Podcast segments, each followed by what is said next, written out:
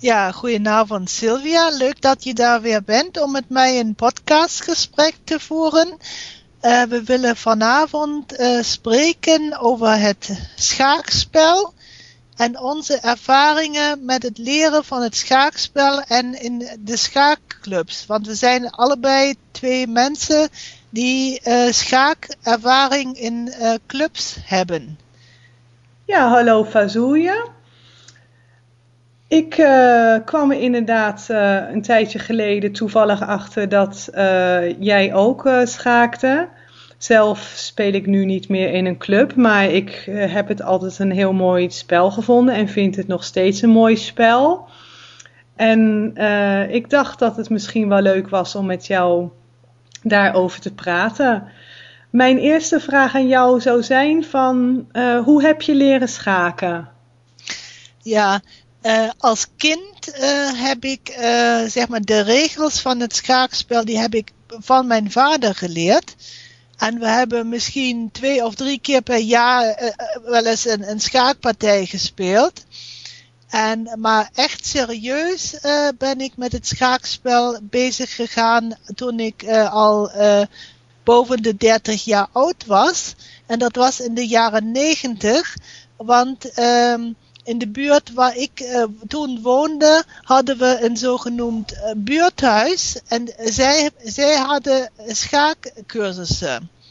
En daar heb ik dus uh, zeker een jaar of zelfs langer een schaakcursus één keer per week gevolgd, waar wij een, een schaakleerboek hebben gebruikt. En elke één keer per week hebben we schaakoefeningen gedaan volgens dat leerboek. En daar heb ik dan ook uh, een, een, solide theoretische basis van het schaakspel uh, uh, gekregen. En dan ben ik in een hobbygroep gaan schaken. En later, in, de jaren negentig, ben ik vier jaar lid geweest van een schaakclub in mijn stad Krefeld, dus in Duitsland. En hoe heb jij dat schaken geleerd, Sylvia? Um, ja, ik weet nog um, dat ik een keer met mijn vader naar een oom van ons ging. Mijn vader had een scooter, dus ik mocht met hem achterop mee. En uh, deze oom had ook een zoon, een, een, neef dus van mij, die iets ouder dan ik um, is. En toen we daar aankwamen stond het uh, schaakspel op hun tafel. En dat intrigeerde me wel. Ik was toen uh, zes of zeven jaar. En toen uh, heeft die neef uh, mij uitgelegd uh, hoe de stukken bewogen. En natuurlijk mij één keer verplicht laten winnen. Want dat kan natuurlijk helemaal niet dat als je de eerste keer speelt dat je wint. En ik vond het een heel interessant spel. En toen wat later mijn moeder zag dat er bij ons in het dorp een schaakclub voor de jeugd was toen vroeg ze aan mij of ik het misschien leuk vond om daar te gaan kijken. En toen ben ik daar naartoe gegaan en dat vond ik uh, heel leuk om te doen. En toen ben ik altijd, um, mijn hele jeugd ben ik lid geweest van uh, de jeugdclub van Hellevoetsluis.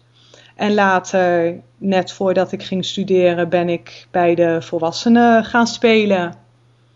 Dus jij hebt al schaakervaring als, als in de jongere leeftijd gehad. Dat is het verschil met mij, want de, relevante schaakervaring die heb ik gehad toen ik al ouder was dan 30. Ja, ik denk dat het uh, vrij fijn is als je als kind al hebt leren schaken, want dan uh, zie je heel veel dingetjes vrij gemakkelijk als kind.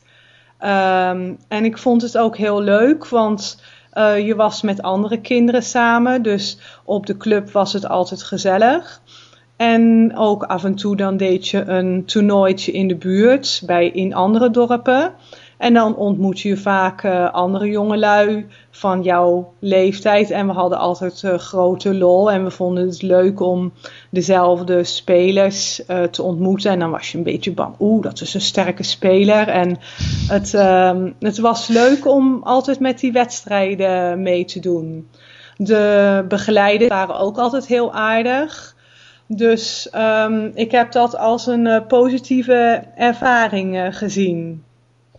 Ja, ik, ik vond het ook leuk. Ik was ook een type die uh, van wedstrijden heeft gehouden. En uh, ik was niet zozeer de type die schaakboeken ging bestuderen. Want dat is ook belangrijk als je een bepaalde spelsterkte wilt hebben, dat je theoretisch uh, wat aan schaken doet. Maar ik heb meer ervan gehouden om dat in de praktijk te doen. En om dan na een schaakpartij met mijn tegenstander of medespeler uh, schaakpartijen te analyseren. Dus aan het schaakbord zelf en niet uh, met, met behulp van boeken. Ja, theorie is inderdaad een, een moeilijk onderwerp van het schaken. Want het is inderdaad heel erg belangrijk om, om gewoon tactisch goed snel dingen te kunnen zien tijdens een partij. En veel mensen die gaan dan heel erg moeilijk openingen bestuderen en dat kost heel erg veel tijd. Maar eigenlijk moet je daarnaast het openingen bestuderen ook um, er veel aandacht aan besteden. Dat je gewoon tijdens het spelen gewoon snel dingen door kunt rekenen.